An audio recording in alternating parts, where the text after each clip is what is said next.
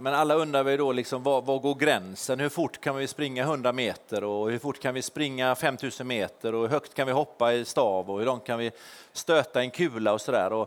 Då finns det olika studier där man försöker titta på förbättringen eh, och då ser man det att, att eh, förbättringen av världsrekord och prestationer och sådär har ju gått väldigt, väldigt snabbt i början och sen så planar det ju ut.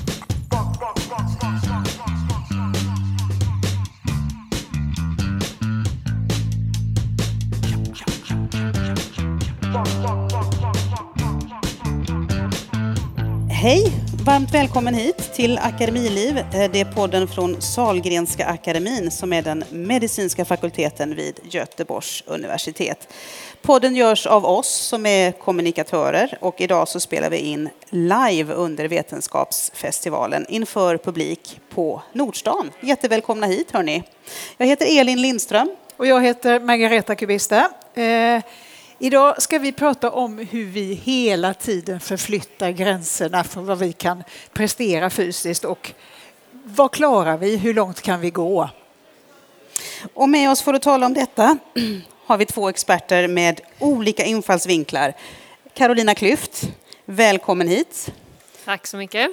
Du var ju under många år den som tände på gränsen inom sjukamp. Och med oss har vi också Mats Börjesson som är professor och eh, föreståndare för Centrum för hälsa och prestationsutveckling vid Göteborgs universitet. Välkommen! Tack!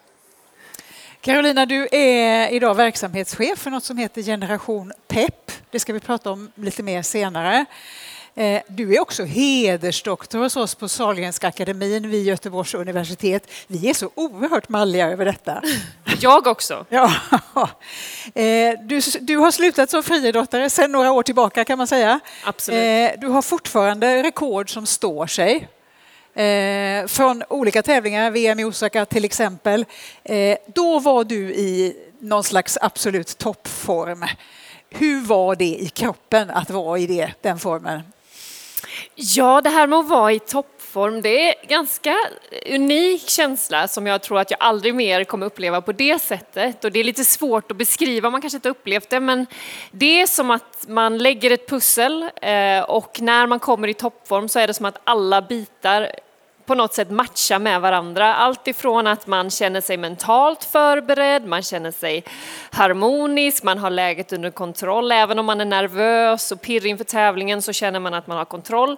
Och sen handlar det ju väldigt mycket om det fysiska, att kroppen svarar, att man känner att det nästan kryper i musklerna, att det finns en stuns och en kraft och en explosivitet i musklerna. Nästan som att man håller på och töjer ut ett gummiband och snart så ska man liksom få släppa loss all kraft ut i en, i en tävling under en specifik eh, period som är ganska kort tid som man har den här absoluta toppformen. Och det är en väldigt, väldigt speciell och väldigt härlig känsla, speciellt om man är elitidrottare och man faktiskt har som mål att maximera kroppen och, och hela liksom, huvudets kapacitet på en och samma gång så är det faktiskt en, en underbar känsla.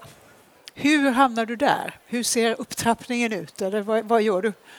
Ja, det är inte bara en knapp ju som man trycker på så är man i toppform utan det bygger man upp under en lång tid. Eh, det handlar om år innan, eh, innan ett stort mästerskap så bygger man ju upp sig redan ett år innan nästan när man påbörjar en hård grundträning, man tränar kroppen och bygger upp kan man säga ett, ett kapital, ett, ett, man sätter in på kontot kan man säga med massa med träning så man nästan blir lite tung i kroppen, man jobbar hårt, man bygger de här fysiska grundkvaliteterna som man behöver. Och sen när man börjar närma sig tävlingen och den där, där man vill vara i sin absoluta toppform så är det som att man klättrar upp för en trappa och där man då släpper på träningen, man tränar lättare, man tränar mer kvalitet, mer tävlingslikt och så har man några nycklar som brukar fungera ganska bra, i alla fall i mitt fall, eh, som sen trappas upp för att sen kulminera under de här dagarna när mästerskapet är. Så det är en lång process som man bygger upp. Och när du är där på toppen, vet du då att det här är max? Eller kan du liksom i den situationen tänka att nästa gång kommer jag göra ännu bättre? Eller liksom, hur ser gränserna ut där? Ja, men rent mentalt så försökte jag nog inte tänka vad mitt max är, för redan där så sätter du ju en gräns för vad du kan prestera. Utan rent mentalt så tänkte jag aldrig i termer av, ja, men jag tror att jag är på den här nivån eller eh, så här långt kan jag nog nå. Utan för mig var det liksom, nu är det inga gränser, men nu, nu har jag ändå gjort vi brukar prata om att stänga varje bok, jag och min tränare, att jag har ändå gjort alla förberedelser som jag kan, både tekniskt och fysiskt och mentalt. Och när man väl känner att jag har gjort allt jag kan, då vill man bara släppa kraften fri och inte sätta några gränser för mig själv rent mentalt att så här långt. Sen hade jag vissa Eh, resultat som jag hade uppnått innan i tester, både i gymmet och ute på arenan och i snabbhet så där. Så jag kunde ändå känna att okej, okay, men nu är jag nog bättre än någonsin, kunde jag för, liksom, förstå. Men jag brukar aldrig sätta en övre gräns så där. Rent mentalt vill man ju kunna tro att man kan nå precis hur långt som helst. Mats, vad säger forskningen här egentligen? Alltså hur, hur når man sin toppform? Jag är helt fel ute, nu kommer svaret. Nej, men jag tror du, du är helt, helt rätt och jag tror att det är en egenskap egentligen att kunna känna sin kropp. Du beskriver ju att du gör alla de sakerna som man teoretiskt ska göra. Man tränar, man tränar mycket. Man tränar eh, rätt saker. Eh, för du måste ju träna, för att prestera så måste man träna mycket. Sen måste man ha, helst välja sina föräldrar. Och det har du också gjort, jag vet, för att du har ju mamma som var aktiv och pappa också. Ja. Eh, det, tror jag, det, det är viktigt också. Eh, sen är det inte bara hur mycket man tränar, utan man ska träna rätt saker och man ska träna teknik. Eh, speciellt i vissa grenar så är det ju viktigt inte bara att träna mängd utan teknik. Mm. Men, men, trots att man gör allt detta rätt så, så, måste man ju också då känna när man, när man, alltså känna sin kropp så väl och det tror jag är en egenskap som inte alla har. Eh, jag har jobbat med elitidrott i snart 30 år och, och, det som du beskriver att du känner det, det gör inte alla tror jag. Och inte alla på det sättet kanske, så alla formtoppar ju sig inte hela tiden. Eller lyckades du varje gång? Ja, på stora mästerskap har jag aldrig missat en formtopp. Äh. Men det var ju också, ska jag inte bara ta cred för själv, utan det var ju också tack vare min tränare som lärde känna mig och som också kunde lägga upp den fysiska träningen i alla fall. Sen kanske jag skötte det mentala, men det var ju ett samspel. För det, det, ju, det, tror jag inte alla lyckas med. Och det är ju fantastiskt. Och det, den egenskapen att kunna träna mycket, att kunna vara mentalt på, på, det så att man vet när man är formtopp och kan bedöma det och känna sin kropp så väl som man vet när man ska vila. För, för vi har pratat om träning nu och förutsättningar, men lika viktigt är ju återhämtning emellan eh, och att man inte blir skadad. Men det är den svåra biten tycker jag, för det är ju då man som elitidrottare gärna vill tänja på gränserna. Så då går, jag har ju också gått över gränsen, även om jag när jag körde sjukamp aldrig missade en sjukamp på grund av skada, så har jag ju dratt på mig skador under året för att man hela tiden försöker trycka gränserna framåt. Hade du en tränare som höll tillbaka dig då? Jo, absolut, men jag kunde ju också mörka för min tränare ibland. Att så här, jag är inte sliten, för att jag ville så gärna pressa gränserna lite hårdare. Så jag tror återhämtningen är ju en av också nycklarna till att man liksom lyckas, för att det är väldigt lätt att man går förbi den gränsen. Och då kan man säga att om man då inte gör det och inte lyssnar på sina signaler och inte lyssnar på sin tränare eller den som gör det rätt, eller kanske man vet bättre än tränaren faktiskt, för man känner sin kropp så väl, så, så, så då, då lurar man sig själv kanske och inte får återhämtningen eller inte får, till och med får en skada. Mm. Så att det är också en stor egenskap faktiskt att kunna träna och hålla ut, alltså hålla ut är fel ord, men hålla på i så många år så att man kan bli tillräckligt bra. Mm. Det glömmer vi ibland, eh, utan talang är ju inte allt talang är jätteviktigt, men att kunna klara träning under så många år för att prestera, det, det, det är jätteviktigt. Då. Du var inne på det här med olika grenar, olika idrotter, att det finns olika förutsättningar och så. Kan du beskriva de skillnaderna mer när det gäller att nå sin toppform? när det gäller i toppform så, så tror jag att, att varje gren har sina... Alltså, grunden är samma egentligen. Alltså det, det är träning, det är återhämtning och det är kost som vi inte har nämnt hittills. Alltså det är de tre. Du måste ha dem balans på de tre. Och, och, gör du det rätt och undviker skador så har du möjlighet att träna under så lång tid så att du kan bygga upp det till en hög nivå. Eh, och har du då dessutom talang på det då så, så, kan du komma väldigt långt. Men som ni ser så måste alla stjärnor stå liksom rätt på något sätt för att det ska funka.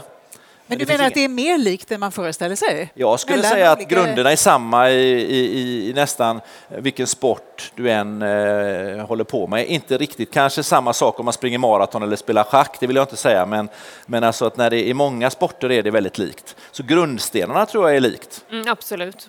Eh, Men alla lyckas ju inte med detta som du beskriver som, som ja, men så, så såg vi till att jag var, följde vid det och så kom jag i toppform och så misslyckades jag inte med det. Det är ju väldigt få som klarar det. Nej, och sen är det ju liksom, man, man, man skruvar ju individuellt också beroende på vad har man med sig sen tidigare, vad har man för utmaningar. Man kan ju ha det fysiska, men det mentala kanske är svårare. Alltså som sagt, alla pusselbitar måste ju falla på plats och då en del behöver längre återhämtning än någon annan, så det gäller ju sen också att som tränare är det ju ett hantverk, speciellt om man har ett lag med flera olika individer, att det är lätt att man gör samma på alla, men där finns det ju också att man ibland måste, även om det är likt på en ganska grundläggande nivå, så kan Ja. du ju sen börja finlira Absolut. med att skruva på olika individer. Ja, men den behöver det här, eller den behöver lite längre återhämtning, eller den behöver den här mentala stödet för att känna sig i toppform. Så att det, det är ju där Ja. liksom, tränarens liksom, hantverk kommer in. Jag tror jag då att vi som jobbar i lagidrott som jag gör, som har jobbat i fotboll i alla år, att vi har en del att lära de individuella idrottarna därför man tar så stort ansvar för sin karriär.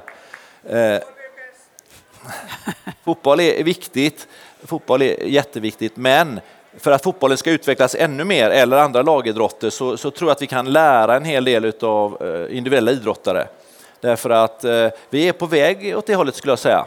Att vi tar mer och mer större ansvar för vår egen utveckling som, som spelare. Vi säger jag, man tar. Alltså, man är bättre och bättre på det. Men det finns fortfarande en unik kunskap hos de här eh, allra bästa individuella idrottarna att lära känna sin egen kropp. Där vi inte kommit riktigt i lagidrotten, vilket är mycket svårare också därför att där ska det 25 stycken som ska synkas. Och, och alla egentligen behöver, precis som du säger, olika saker, lite, alltså lite skruvat i alla fall, eh, och lite olika variationer. Men jag tror att vi har mycket att hämta ifrån den individuella idrotten och att vi har gått åt det hållet. Det gör också att vi tar steg framåt även i lagidrotten. Får jag lov att backa lite här? Eh, Du nämnde ju det här med vikten av att ha bra föräldrar. Eh, Genetiken, alltså det medfödda.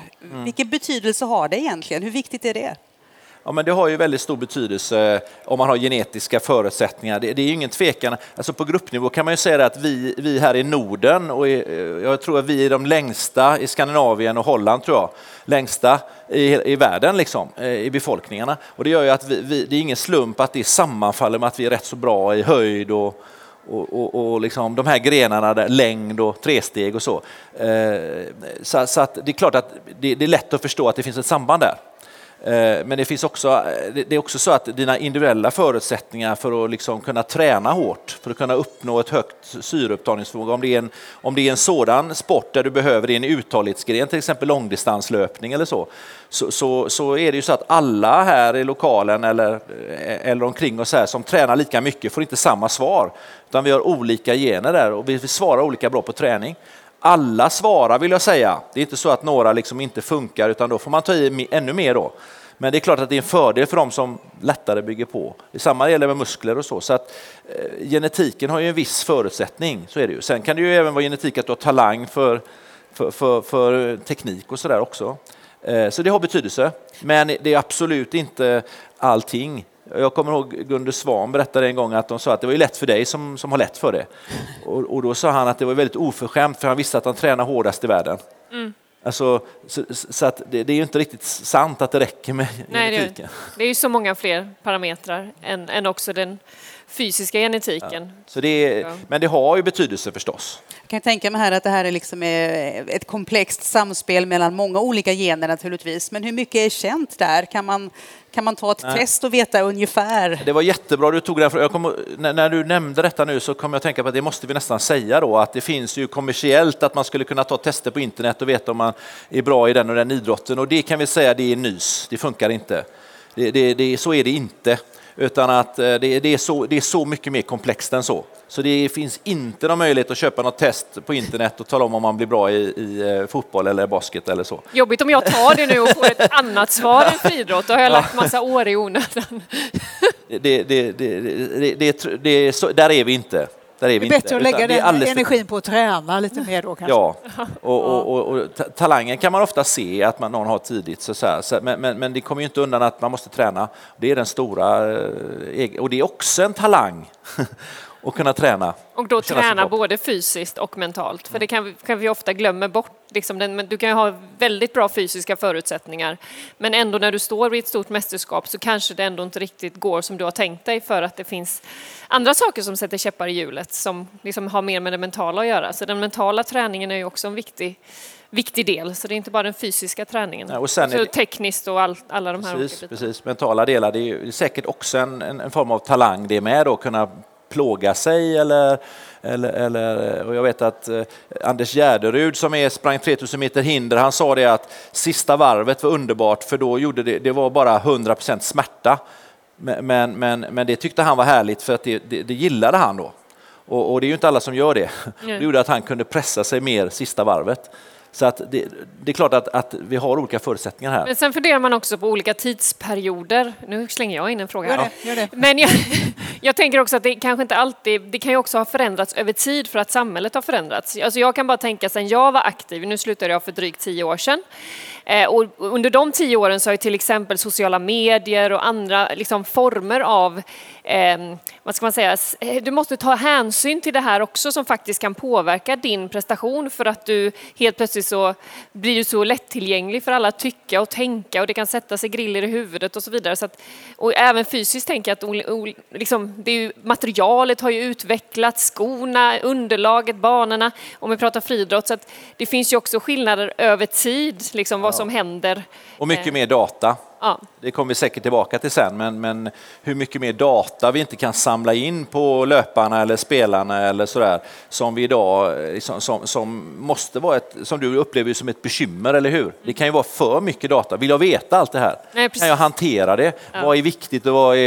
eh, Det, det är ju svårt för alla oss att bara öppna, titta på internet och läsa om olika, olika eh, saker vi ska göra för vår hälsa. Det är väldigt svårt att prioritera det viktiga från det som är helt oviktigt faktiskt. Jag blir nyfiken på den här mentala träningen. Hur, hur gjorde du för att träna mentalt? Nej, men jag, jag tränade väldigt mycket mentalt. Sen hade jag kanske ingen, jag hade ingen mental tränare sådär. Jag var väl kanske lite envis, dumt envis ibland att nej men det här ska jag klara själv och lite så här duktiga flickan att det här kan jag fixa själv. Men jag tränade väldigt mycket mentalt och jag utvecklade mina egna verktyg och mina eget, alltså jag, jag kunde ofta liksom känna att nu är det något som inte stämmer mentalt. Nu känner jag en känsla som inte känns bra. Det är prestationsångest eller nervositet som jag inte kan hantera. Och då försökte jag hela tiden gå till kärnan och, och liksom skala av den här löken och komma in i kärnan. Vad är det som egentligen är problemet? Och så försökte jag ju attackera det. Sen var det många som sa, men du, det var så, så lätt ut för dig. Du, du gick bara ut och tävlade och hade roligt och så vann du. Gud vad lätt så här. Och det är lite som med Gunde Svan, men där hade jag ju gjort väldigt mycket. Jag, jag tränade mentalt varje träning, att gå in 100 procent, göra mitt bästa. Jag ska fokusera på detta och detta och sen testar jag att tänka så. Nej, funkar inte. Då tänker jag, tänker jag så här istället och gjorde analysen efter träningen. Alltså jag jobbade ju väldigt, väldigt mycket mentalt i samband med mina fysiska träningar för att hela tiden huvudet skulle hänga med. Ehm, Så att jag, gjorde, jag gjorde ett hårt arbete för att, för att jag skulle klara av att hantera det som jag ställdes inför. Du sa också det att den här glättiga ytan som du hade, eh, har du berättat tidigare, att, att, att det här är, man var väldigt så glad och så glad ut. Egentligen var det väldigt seriöst bakom där. Ja, verkligen. Men det var ju att när jag väl kom in på arenan så kände jag mig så förberedd, både fysiskt och mentalt, så att jag kände verkligen när jag gick ut där att jag kunde passa på att njuta. Och det är en del idrottare som säger så här efter de har lagt av och säger till unga idrottare, men glöm inte bort att njut och ha, ha härligt där ute också. Men det kan jag säga att jag verkligen har gjort, för att jag tycker att jag har gjort ett hårt arbete, jag har förberett mig. När jag väl har klivit ut, liksom kommit från katakomberna, gått ut på arenan och stått där, så har jag verkligen känt så här, yes, nu är jag, nu är jag här, nu är det hemmaplan, eh, det här har jag förberett mig för. Och så har jag verkligen njutit och tagit in publiken och stämningen och mina konkurrenter och mina svenska kollegor på arenan. Så jag har känt att jag har, jag har verkligen varit där och inte i min ångest. Den har jag tagit hand om innan, om kanske mellan grenarna fick jag hantera den, men när jag var där ute, då var det, ja, men det var verkligen glädje på absolut högsta nivå. Det finns ju en del andra aspekter när det gäller det här med topprestationer och att kunna göra bättre och bättre resultat hela tiden. Det handlar ju också om ekonomi, välfärd, den typen av förutsättningar. Vad händer när det gäller det nu liksom, i världen? Ja. men alla undrar väl då liksom, var, var, går gränsen? Hur fort kan vi springa 100 meter och hur fort kan vi springa 5000 meter och hur högt kan vi hoppa i stav och hur långt kan vi stöta en kula och sådär. Då finns det olika studier där man försöker titta på förbättringen eh, och då ser man det att, att eh, förbättringen av världsrekord och prestationer och sådär har ju gått väldigt, väldigt snabbt i början och sen så planar det ju ut. Eh, och sen i många grenar var det så att då var ju kvinnor inte med från början. Man sprang inte maraton och så vidare. Därför har man ju haft en jättesnabb utveckling på det förstås i början. Och nu börjar det plana ut även där. Men vi har ju inte nått max. Och, eh, men, men, men det som du frågar egentligen är ju den vinsten vi har hittills, vad beror den på då? Det är klart den beror på att vi tränar mer, eh, det gör vi ju, mm. än förr. Eh, vi har, vi har bättre material, underlag, skor, kunskap, kunskap hur vi ska träna, mm. variation kanske. Men det är också så att vi har fått med större delar av världen. Det är det du är inne på tror jag. Att, jag tänker på det om det är fler i världen som har fått de här fler, förutsättningarna. Nej, men det är ju fler kvinnor för det första ja, ja, än vad det var för, för, för 100 år sedan, mm. eller 50 år sedan. Så att det är ju liksom halva jorden. Eh, och sen är det också många länder som inte var med på samma sätt. Eh, Afrika är ju dominerande i, i löpning eh, och inte med liksom för, för, för ja, 50 år sedan kanske var med, men längre tillbaka. 78 år sedan. Så att det är klart att den delen har man ju tillskrivit en stor del av förbättringen till att fler på jorden. Nu är inte alla fortfarande Nej. får inte vara med, så det ska vi inte glömma. Nej. Att, jag vet att ni har pratat tidigare om det här med OS också och just OS roll att få in fler. Ja, man har studerat vad är det som gör då, men att just det att globaliseringen och, och spridningen av sporten har ju och, och liksom att alla är med på det här, nästan alla då. Det har ju gjort att rekorden har förbättrats. OS har varit en positiv effekt i detta, och sannolikt därför att man har ett mål att sträva efter. Alltså någonting som är så ärofyllt då, så att man vill träna hårdare. Mm. Det är det vi tror. Eh, medan det finns ett par negativa faktorer som du säkert kommer tillbaka till också. Typ med dopingkontroller och så som, som har påverkat det negativt då. Ja. Men jag tänker också med, med, med, OS som man också märker, det är ju att man också satsar väldigt mycket, också landet med resurser, det finns en stolthet, det mm. finns mycket. Så det blir ju inte bara för själva individen som tycker att OS är ärofyllt, utan det är ju verkligen Alltså, nationen kan ju samlas kring ett olympiskt spel och har man framgångar som nation så kan ju det vara väldigt, väldigt, ja men ja. det betyder väldigt mycket för en nation att samlas kring. Så att hade man inte haft OS, hade man inte haft detta, då hade man haft färre som satsade på den höga nivån ja, sannolikt. Precis, precis. Så att det har också bidragit, det är så man eh, har tolkat det i de här studierna då. Dopningen nämnde du själv. Ja, vi får ju inte missuppfatta det som att det är doping eller att det är bra med doping. Utan... Fast bra rekord kan ju försvinna. Ja, alltså rekorden har ju blivit mindre utvecklade sedan, man, sedan dopingjakten har förbättrats, så kan man säga. Ja. Så att eh, doping hade ju en, ett, ett inslag, eh, framförallt en bit tillbaka. En väldigt stor del i rekorden, eh, kraftsporter och längdsport, alltså eh, uthållighetssporter berodde ju på, på doping, det var ju så. Ja. Eh, och idag är det sannolikt mindre, vad vi vet. Mm. Och ett tecken på det är ju ändå att rekordutvecklingen har stannat av lite grann då. Eh, det blir, vi blir fortfarande bättre och bättre, men inte i samma takt som det var förut. Och det tolkar man ju som att vi är lite bättre på att komma åt doparna än vad man var ett tag i alla fall.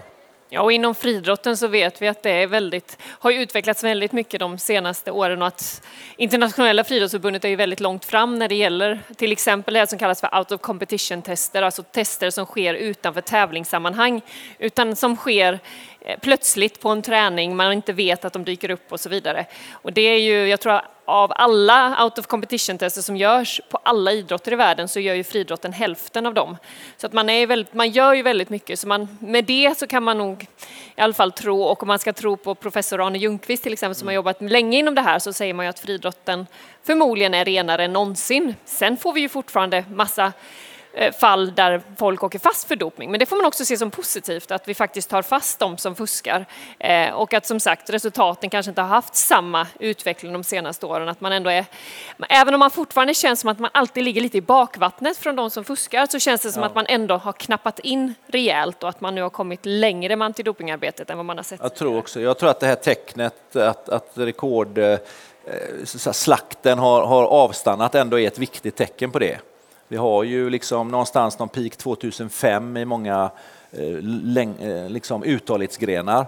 Och sen har det inte blivit så mycket bättre på alla håll utan eh, förbättringarna sker ju hur längre sträckan är förstås. Alltså det finns som det är marginal då och att det finns mer att vinna på något sätt, alltså hur längre man har. Och, och det är klart att där kommer det att ske förbättringar på långdistans, på maraton och 10 000 meter och så, det, det är jag övertygad om mer än vad det gör på 100 meter kanske. Men visst har man räknat ut hur långt man kan stöta i kula om man skulle... Jo, alltså man har lekt lite med detta då, för då undrar man ju var går gränsen då? Vi kan ju inte hoppa 1000 meter i höjdhopp och, och, och liksom springa på en sekund. Men någonstans meter. måste det ju vara max. Någonstans går ju ett max då, men, men man har försökt att räkna ut det då och det är klart att det, det kommer inte att stämma som, som inga prediktioner för framtiden gör, men någonstans säger man att 2075 eller eh, kanske tidigare så, så når vi då någon form av max då, men man tror att man skulle kunna, eh, kunna stöta 26-27 meter i kula om man var man då. Och damerna skulle kunna alltså slänga iväg kulan bortåt 40 meter eh, med den tyngd, för de har en lättare kula. Eh, om det är sant vet jag inte, det blir spännande att se den utvecklingen då. Det känns helt orimligt. men, men det är så man har dratt ut de här kurvorna, om förbättringen fortsätter i samma takt då så skulle man eh, stöta så mycket i kula. Det, det är kanske inte omöjligt att man kommer dit någon gång i herrkula. Jag vet inte vad man är idag, 21-22 meter mm. och ska upp till 26-27. Det är kanske inte omöjligt, men damerna där verkar ju tufft. Det verkar tufft. Du stötte kula, var, det var ja, inte 40 meter? 15 meter, så det är en bra bit ifrån. ja, men jag kanske inte nådde mitt max, jag kanske ska börja igen. Men då är det långa distanser som du säger, där finns ja. det marginaler att ta på ett annat sätt kanske fortfarande, eller? Jag tror det. Jag tror kanske också, vi ska ju höra med Karo här, men sjukamp är ju, det är så många grenar, det är så komplext att vara bra på allting. Så att rimligen så har vi inte hittat den perfekta mixen, eller? Nej, nej, det tror jag inte. Det tror jag inte, utan jag tror absolut att att vi kommer se att det rekordet, nu är det ju ett väldigt starkt rekord, eh, världsrekordet då syftar jag på. Eh, så det, det, ska ju mycket till såklart och i sjukamp är det ju den komplexiteten också att det ska stämma. Du, du måste ju nästan ha en, en topp i sju, sju gånger så att säga efter varandra för att du ska komma upp i de här. Jag har räknat ut mina personliga rekord och kommer då nästan upp i världsrekordet men inte riktigt. Men då ska du ju verkligen vara uppe men absolut så tror jag att man kommer kunna eh, göra bättre i sjukamp, det är jag helt övertygad om. För mer komplext, hur mer det finns, så finns det mer att vinna då. Ja, det finns mer att plocka från mer varje. Mer att plocka på varje, varje och om man har riktigt alla stjärnor står helt rätt så kanske det kommer någon individ som kan slå det här. Absolut. Men eh, nej, alltså det, det, det är jättesvårt att förbättra de här rekorden. Eh, men det kommer att bli, även om på de kortare distanserna, lite, lite bättre. Säkert. Den här data... Vad kan påverka ja. som kommer in då? Teknik och andra saker? Eller vad? Ja, men alltså bara en sån sak som skor, eller hur? Ja. Alltså, eh, och, och, det var ju länge Underlaget. Sedan, underlag. Det var ju länge sedan man bytte banor, men man kanske har bytt senare igen nu. Men... Jo, men det kommer nya material hela tiden på banorna och sådär också. Och sen är det ju alltid så också att, det ska, och nu pratar vi mer på en gruppnivå med rekorden, men sen finns det ju alltid individer, om man nu ska ta ett, ett svenskt exempel som i Armand Duplantis som hoppar så fantastiskt bra i stavhopp. Han har vi ju inte sett, han tror inte jag vi har sett göra sitt max än och han är ju just nu ganska överlägsen. Men då har du också en person, om man går ner på individnivå, som verkligen har fått liksom, tekniken från att man är han fyra, fem år när han börjar hoppa stav. Han är snabb, han har den rätta inställningen, han är modig, han hoppar med styva stavar som är en parameter då. Har man styvare stavar så kan man ju få en bättre, och får du in energi i den staven så får du också en, en mycket större katapulteffekt så att säga. Och han har ju liksom en verkligen person som har alla de här pusselbitarna. Och någon, de här kommer vi ju se inom alla, och det, det tror inte jag att vi har sett Nej. i alla grenar, utan det kommer ju också komma på individnivå någon som har liksom verkligen alla ja. pusselbitar. Så då, och då blir det som vi ser i, i Duplantis fall, där han slår rekord på rekord och också, vi ser ju också på hans kapacitet att han inte har nått något max. Sen, sen ska ju allt stämma. Han ska, det är inte bara att säga att han har kapacitet för det, utan sen ska han stämma, han ska hålla sig skadefri, han ska återhämta sig, han ska fortsätta ja. vara modig och inte få några mentala liksom, eh, problem på vägen och sådär. Så det är klart att det är, det är många saker som fortfarande måste fortsätta stämma för honom. Men tittar man på hans kapacitet så är det ju häftigt att se en individ som har så många pusselbitar på en gång. Den här insamlingen av de här stora datamängderna som sker, eh, vilken roll spelar de i forskningen om prestationsutveckling? Ja, det har ju också förbättrats sen förr. Eh, det berättades ju om att på 40-talet när Gunder Hägg eh, sprang på myrarna och så vidare så, så gjorde man ju enklare studier och på 50 och 60-talet började ju idrottsforskningen, idrottsfysiologin med Bengt Saltin och medarbetare. Så Sverige, det gick inte så bra för Sverige då i OS. Eh, och då så satsade man på idrottsfysiologin och, och, Sverige lyfte ju sina positioner efter detta. Så att det har betydelse när man forskar och lär sig lite grann om, om hur kan man träna rätt för att förbättra syreupptagningen och hur kan man göra för att få styrkan och så vidare. Eh, på senare år har det ju blivit ut, har detta utvecklats och man pratat mer om det här med balansen mellan träning och återhämtning, periodisering. Eh, en del i detta är att vi, vi mäter väldigt mycket. Det som Karolina säger att hon testade själv och tränaren, det försöker vi ju mäta idag på alla spelare. Jag jobbar med damlandslaget i fotboll och vi frågar tjejerna allting. Hur sover de och hur länge sover de och hur var det och hur, hur ont har de och hur mår de? Och, alltså vi har massa parametrar tillsammans med skador eh, och försöker liksom balansera eh, träningen. Så att, och, och vi använder också data från träningen. Hur jobbigt upplevdes träningen? Hur, hur, hur, hög var hjärtfrekvensen och, och hur, hur, ansträngande var det? För att kunna hela tiden veta att de ligger rätt i fas och, och kanske hålla tillbaka någon i träningen eller putta på någon annan. Så att all den data vi samlar in kan man säga, egentligen ska man inte samla in någon data man inte använder. Men vi samlar ju in oändligt mycket mer data också ifrån övervakning som de har på sig idag. Eh, man har ju sån här över bröstet som man samlar in liksom start och stopp och hur många snabba löpningar och så här. Och där har vi ju inte utnyttjat än allt det. Vi håller på och man tittar olika mönster är kopplade till till exempel skaderisk eller, eller prestation. Då. Men där är vi inte färdiga. Så att det är ju nästan ett problem idag då att det blir så mycket data. Så att vi måste lära oss att hantera vad som är viktigt. Men det måste också, att du som är läkare, det måste ju också vara att man är bättre på att hantera när man eventuellt har gått över gränsen. Alltså jag tänker med skador och rent med rehabilitering, hur man behandlar skador när de dyker upp, vad man ska, hur snabbt man ska gå på en stukad fot och så vidare. Det måste ju ändå ha skett en utveckling där också. Absolut. Även om skadeomhändertagandet har ju blivit mycket bättre än vad det var förr. Det, det, vet ju alla som, som eh, kommer ihåg att man gick till, eh, till, till läkaren, man stukat foten och så fick man någon, någon, någon eh, linda löst virad runt foten som, som var som en, en, en sån här vad heter det, benvärmare nästan. Mm. och så skulle man gå på kryckor då.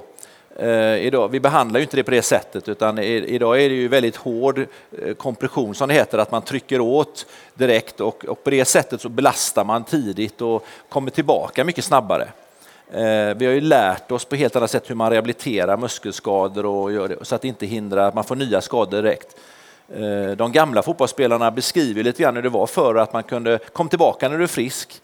Mm. Även på proffsnivå kunde det vara på det sättet. Mm. Och liksom, så där jobbar vi inte idag, utan det är från dag ett då med individualiserade program och så vidare. Så det är helt sant. Men, Men jag, egentligen vill vi förebygga. Det är ja, och det vill jag ändå då ge ett slag, göra ett slag för ja. eftersom jag är också verksamhetschef för Generation Pep, att vi också ser faktiskt, och jag tror att det finns en väldigt stark koppling här. Vi ser ju också när vi tittar på elitidrottsgymnasium till exempel att testerna där är det många sämre resultat, eller mycket sämre resultat än tidigare generationer också. Att det finns ju också idag barn och unga som rör på sig mycket mindre. Vi vet att man rör på sig mycket mindre idag än vad man gjorde för till exempel bara 20 30 år sedan och att aktiviteten går ner och då har man liksom lite sämre grund att stå på med motorik och med koordination och med styrka och kondition och så vidare. Och det gör ju också såklart att det spiller över även på elitidrotten, även om folkhälsa i sig är någonting annat och att vi vill förebygga och främja alla barn och ungas eh, mm.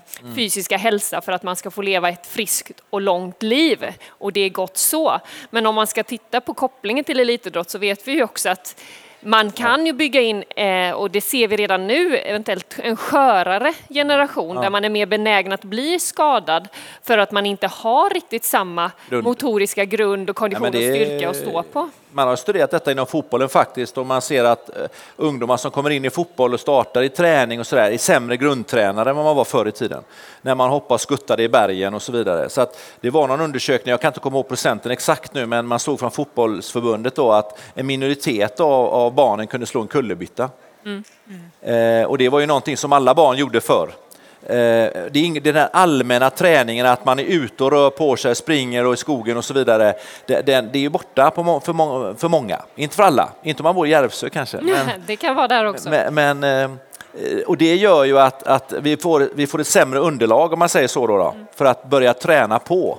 Utan träningen ska lösa det hela. Sanningen är väl att träningen i hallen är det lilla jämfört med det man är ute och rör sig egentligen som barn. Mm. Borde vara.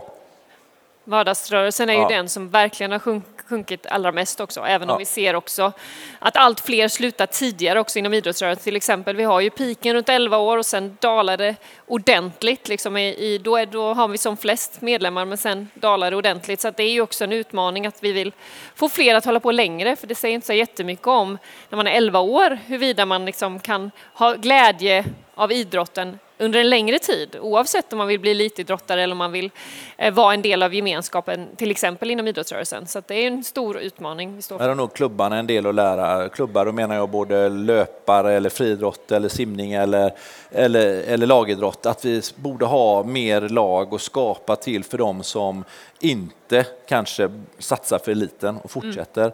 Eh, här, här borde vi bli bättre på det faktiskt. Då menar jag inte bara korpen i jobbet utan även till klubbar. Kopplat. Verkligen. Det här nämnde två- här nu Generation Pep som du jobbar med nu. På vilket sätt jobbar ni med de här frågorna? Men vi jobbar väldigt eh, brett med frågorna. Dels så jobbar vi eh, såklart med att sprida kunskap och, och påverka frågorna, få upp dem högre upp på agendorna. Vi försöker finnas på alla arenor där barn och unga finns. Vi tar också fram konkreta verktyg för skola, förskola, barnhälsovård som kan vara ett stöd i att få med mer fysisk aktivitet och bättre kost, för vi jobbar med två, två ben så att säga. Eh, så att det blir en mer naturlig del av barns vardag igen. Eh, för att vi ser att det minskar så radikalt så kommer det, det kommer skapa problem både för individen givetvis, men också på en samhällsnivå där vi inte kommer ha en sjukvård som kommer ens mäkta med och det finns andra utmaningar med arbetsbortfall och så vidare i framtiden om vi har en befolkning som inte mår bra.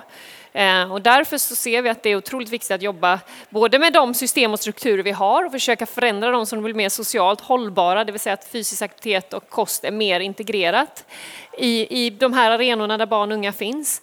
Eh, men sen handlar det givetvis om att hela tiden påverka olika typer av makthavare, sprida kunskap och att vi också når fram till de grupper som faktiskt har sämst förutsättningar. För just nu ser vi ett hälsogap i Sverige där vi ser att det finns en väldigt ojämlika förutsättningar eh, för att faktiskt vara fysiskt aktiv till exempel. Och det kom ju en rapport bara för, från Centrum för från idrottsforskning här bara för några dagar sedan kring de otroliga skillnaderna när det gäller just idrott eh, och hur mycket man är aktiv och att det handlar egentligen rent krasst om ekonomi. Och i vissa områden, eh, socioekonomiskt utsatta områden till exempel, så, så är det, det finns inga idrottsföreningar ens på plats så att man, idrottsrörelsen kommer inte kunna lösa det här själva utan man måste jobba mycket, mycket bredare, mycket mer samverkan för att komma till bukt med det här. Men som vi ser idag i Sverige så får barn, trots att barnkonventionen är lag sedan tre år tillbaka, och det är faktiskt lag att ge barn eh, bästa möjliga hälsa, så misslyckas vi med det varje dag och där måste vi göra mycket, mycket mer. Och där är det en del idrottsföreningarna såklart, men det ligger på en samhällsnivå där alla delar måste börja ta ansvar på mycket, mycket tydligare sätt. Vad kan forskningen göra för nytta och de, de kunskaper som kommer därifrån i det här arbetet? Ehm, Du menar inte prestation nu för idrott? Nej, nu tänker jag menar mer det här med Nej, men därför Det är ju del- framtida prestationer Ja, nej, men vi kanske, men- delar ju den här synen helt. Eh, Vi vi ser ju hälso och sjukvården eh, att, att vi ser effekterna utav våra levnadsvanor helt enkelt. Eh, Covid har ju förstärkt det.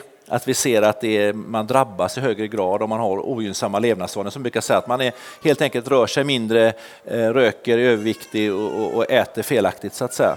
Så det är ingen tvekan om det. Och, och, och det är, för, för, liksom hälso och sjukvårdens del så är det väldigt viktigt att vara med i den här, eh, och forskningen också då förstås, vara med i den här debatten, bidra med kunskap till den debatten så att, så att man får lite mer substans i det man säger. Men det är bra att röra på sig. Ja, men hur? Varför? Hur mycket? Och, och, och liksom visat problemets storlek och så vidare. Men också faktiskt att delta i den debatten tillsammans med, för hälso och sjukvården är ju inte eh, liksom ensamt ansvarig för detta, eller forskningen ens, utan men vi är en del i detta tillsammans med idrotten, skolan, föräldrarna, eh, bostadsbyggandet och så vidare, politikerna. Alltså det, vi, vi- vi, har ett ansvar här att gå ut och vara aktiva här. Då. Och, och det är ju väldigt spännande att vi har fått möjlighet att vara det nu. Kan jag säga. Det är viktigt. Jättetack för att eh, vi har kunnat ha det här samtalet med er, Mats Börjesson, Carolina Klüft. Eh, Vi tänker öppna upp för lite frågor från publiken nu. Eh, Om det är så att du har en fråga som du vill ställa till Mats eller till Carolina så går det bra att räcka upp handen och så kommer vi ut med en mikrofon. Säg då gärna ditt förnamn innan du ställer din fråga. Upp, upp. Ja, Eh, Nelly heter jag. Eh, jag bara tänkte på det här du sa om olika faktorer som kan liksom pressa prestationsförmågan till så stora, till, till max liksom. Finns det någonting som du har blivit ombedd att göra som du har känt att det här vill jag inte, alltså även om du vet att det hade förbättrat din träningsförmåga eller prestationsförmåga som du känner att det här vill jag inte göra, typ eh, kosten vet jag, det finns mycket studier om att det är liksom vissa kost och dietära, som säga, anpassningar som gör att man hade kunnat prestera bättre. Men ja, vad Ja, men bra fråga, för det är klart att det, det, med tanke på att vi får mer kunskap så kan det också ibland kännas som att oj, vad, det kan också skapa en förvirring. Vad är egentligen bäst? Borde jag testa detta? Alltså man kan nästan bli som en ivrig att testa nytt för att man blir så här nyfiken. Ah, kan det här vara bra? Eller det här kan vara bra? Och det tror jag att jag har varit ganska medveten om och jag och min tränare har också pratat mycket om det. Att vi måste sätta en linje, vad vi tror på. Eh, och sen har jag försökt att kanske inte experimentera för mycket därför att det handlar också väldigt mycket mycket om tålamod och kontinuitet i någonting. Börjar man ändra och skruva på allting så kommer man till slut inte veta heller vad det är som fungerar. Så det har absolut funnits gränser för mig. Alltså, när det gäller kosten så har jag eh, fokuserat på att jag ska äta tillräckligt mycket av det jag gör av med och äta varierat. Det har varit grunden för mig. Jag har, liksom, jag har haft under en period en kostcoach som har hjälpt mig att räkna på hur mycket behöver jag äta för att jag inte ska ligga under så att jag inte ligger liksom förbränner mer än vad jag får i mig för då kommer ju skaderisk och sjukdomar och annat som ett brev på posten. Jag har alltid varit noga med sömnen. Eh, jag har alltid varit noga med att eh, träna ordentligt och så vidare. Men jag har inte varit jättesugen på att testa en massa olika saker. Det har varit vissa grejer. Vi har kört liksom benböj på en sån här vibrationsmaskin och så man har testat sådana saker som man kanske inte, eh, som inte är så stora skillnader utan det handlar om små ja, små nyanser som man har testat. Men jag har inte gjort några stora och jag har inte heller velat så här jag har också sagt till min tränare att jag vill inte, jag vill inte ha, om du mäter saker på mig, om du vill ha, sätta en pulsklocka på mig, så vill inte jag, jag vill, jag vill ha min egen känsla. Jag vill känna, okej, okay, men nu börjar jag närma mig min maxpuls, den vill jag känna. Så jag har ju varit lite anti sånt som ni vill mäta hela tiden. Men jag har ju liksom inte velat, han har gärna fått göra det, men då får han göra analysen och jag har liksom så här, jag vill lära känna min känsla, här går min gräns, nu börjar jag närma mig mjölksyra, då måste jag, det har varit väldigt viktigt för mig. Så jag har absolut haft en linje, eh, men inte ja, jag har varit, ibland har jag varit lite nyfiken men jag har försökt att inte dra iväg för mycket eller ta några stora, utan litat kan man säga på, på det som är i grunden finns som kunskap och inte de här avarterna. Finns det någon studie som visar det och någon studie som visar det men jag har försökt hålla mig till det vedertagna här i mitten. Liksom. Och jag skulle säga att eh, du skulle bli förvånad hur lite forskningen säger, alltså man kan tro när man läser internet att det finns massa olika vägar, men hur lite som vi avviker ifrån de vanliga rekommendationerna som finns. Eh, det vi är bekymrade om på elitnivå, det är att de äter för lite. Mm. Och äter man då varierad kost så får man i sig tillräckligt. Eh, det, det vi, man kan få intrycket att det är väldigt mycket olika kost och så, men så jobbar vi inte på elitnivå, utan det är kanske mer, lite mer oseriösa som jobbar så. Så att det är nog väldigt basal egentligen och väldigt enkla grejer som vi inte alltid klarar faktiskt att äta tillräckligt och få i sig tillräckligt med kolhydrat och få i sig tillräckligt med protein och så vidare. Så att det, det, där, vi kan nog jobba mer med det och även få i sig tillräckligt med vätska när det är varmt och så. Enkla grejer som vi inte lyckas 100% med. Eh, jag tror inte att det är några konstiga genvägar egentligen, mycket mindre än du tror kanske. Men där, och där, det kan jag ju säga, jag har ju aldrig ätit kosttillskott till exempel. Det har ju varit så här, nej jag äter ja. mat, vanlig mat, varierad kost. För att jag har inte haft, sen är det klart man testar ibland, har man brist på någonting, har jag järnbrist så måste jag ju tillföra järn om jag är kvinna till exempel. Men jag, jag har haft bra värden och därför har jag liksom, nej men inga kosttillskott utan så mycket som möjligt som du säger, det här som vi faktiskt vet och är ganska trygga med har jag försökt hålla mig till. Vi hinner med någon fråga till om det är någon mer som har. Där borta. Gärna förnamnet först. Eh, Malin heter jag. Eh, jag kom när ni började prata om fysisk aktivitet och hur folk sitter mer stilla. Hur ser ni på egenvårdsansvaret? För det är väldigt mycket så här politikerna ska göra rätt, vården ska göra rätt.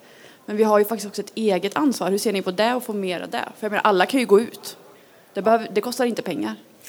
Nej, så är det absolut. Det, det, kommer ju alltid vara så att man har ett eget ansvar, givetvis. Det individuella ansvaret är ju såklart viktigt och ett föräldraansvar finns ju alltid gentemot barnen och så vidare. Så det är såklart så, det går ju aldrig att ta bort ansvaret från individen. Men det som vi ser när vi tittar på studier och vi kollar på varför det ser så ojämlikt ut så handlar det inte om att föräldrar som har socioekonomiskt sämre ställt inte vill sina barn lika väl eller vill ge dem bästa hälsan utan det finns väldigt många föräldrar som vill ge sina barn bästa hälsan men som inte kan för att trösklarna är för höga eller det finns inte föreningar eller min skola har inte resurserna och så vidare. Så att vi ser fortfarande, tack vare att vi, har, vi inte har en nationell handlingsplan eller nationella riktlinjer för skolan till exempel, så ser vi att du får ha, det är lite ett lotteri vilken skola du hamnar på, vilken, vilka grundförutsättningar du får. Och då har vi ett strukturellt problem som vi måste attackera på samhällsnivå. Eh, och då måste vi göra det till en viss nivå, höja baseline om man säger så, den liksom baslinjen för alla så att vi får en goda förutsättningar för alla barn och unga. Sen såklart börjar det individuella ansvaret. Man kan inte gå hem till folk och säga nu går vi ut, utan någonstans så finns det ju där börjar ju det individuella ansvaret, men där är vi långt ifrån ännu idag. Eh, vi har liksom inte fått upp den här nivån för alla barn och unga och det är ett misslyckande för samhället. Jag skulle väl lägga till bara att jag håller med, men i den bästa av världar så har vi ju tillräckligt god, så gör vi ju detta ändå. Då behöver ju ingen säga till oss, utan då gör vi det rätt. Men så funkar det inte riktigt, utan det är många som, som har svårt att få till detta. Och när man frågar patienter, nu pratar jag inte om befolkningen i stort, utan patienter, eh, om de eh, vill vara fys, mer fysiskt aktiva, så säger de det är de gärna. Men de tycker att sjukvården har ett ansvar för att de är mer, ska bli mer aktiva. Och då kan man ju först tycka, det, det verkar ju inte klokt, det är klart att de har ansvar för det själva. Men det de menar är då att vi i sjukvården måste ställa frågan, måste tala om för dem att det är viktigt, måste följa upp det, måste hjälpa, helt enkelt stötta i detta då. Framförallt tala om att det är viktigt. Om mm. ingen tar upp att det är viktigt, varför ska jag göra det då? När det finns så mycket annat man kan läsa om på internet. Alltså, så att vi, där har vi en roll då. Men till slut är det ju personen själv som måste göra det, så är det ju. Men man behöver hjälp ibland, olika grad. Mats Börjesson, ja. Carolina Klüft. Fasen vad kul detta var. Tusen tack för att ni kom och tack för er som har varit här och lyssnat. Eh, det här är podden Akademiliv från Sahlgrenska akademin, Göteborgs universitet. Och eh, vi sätter punkt där. Vill ni kontakta oss? akademiliv gu.se. Tack så mycket. Tack. Tusen tack. Tack.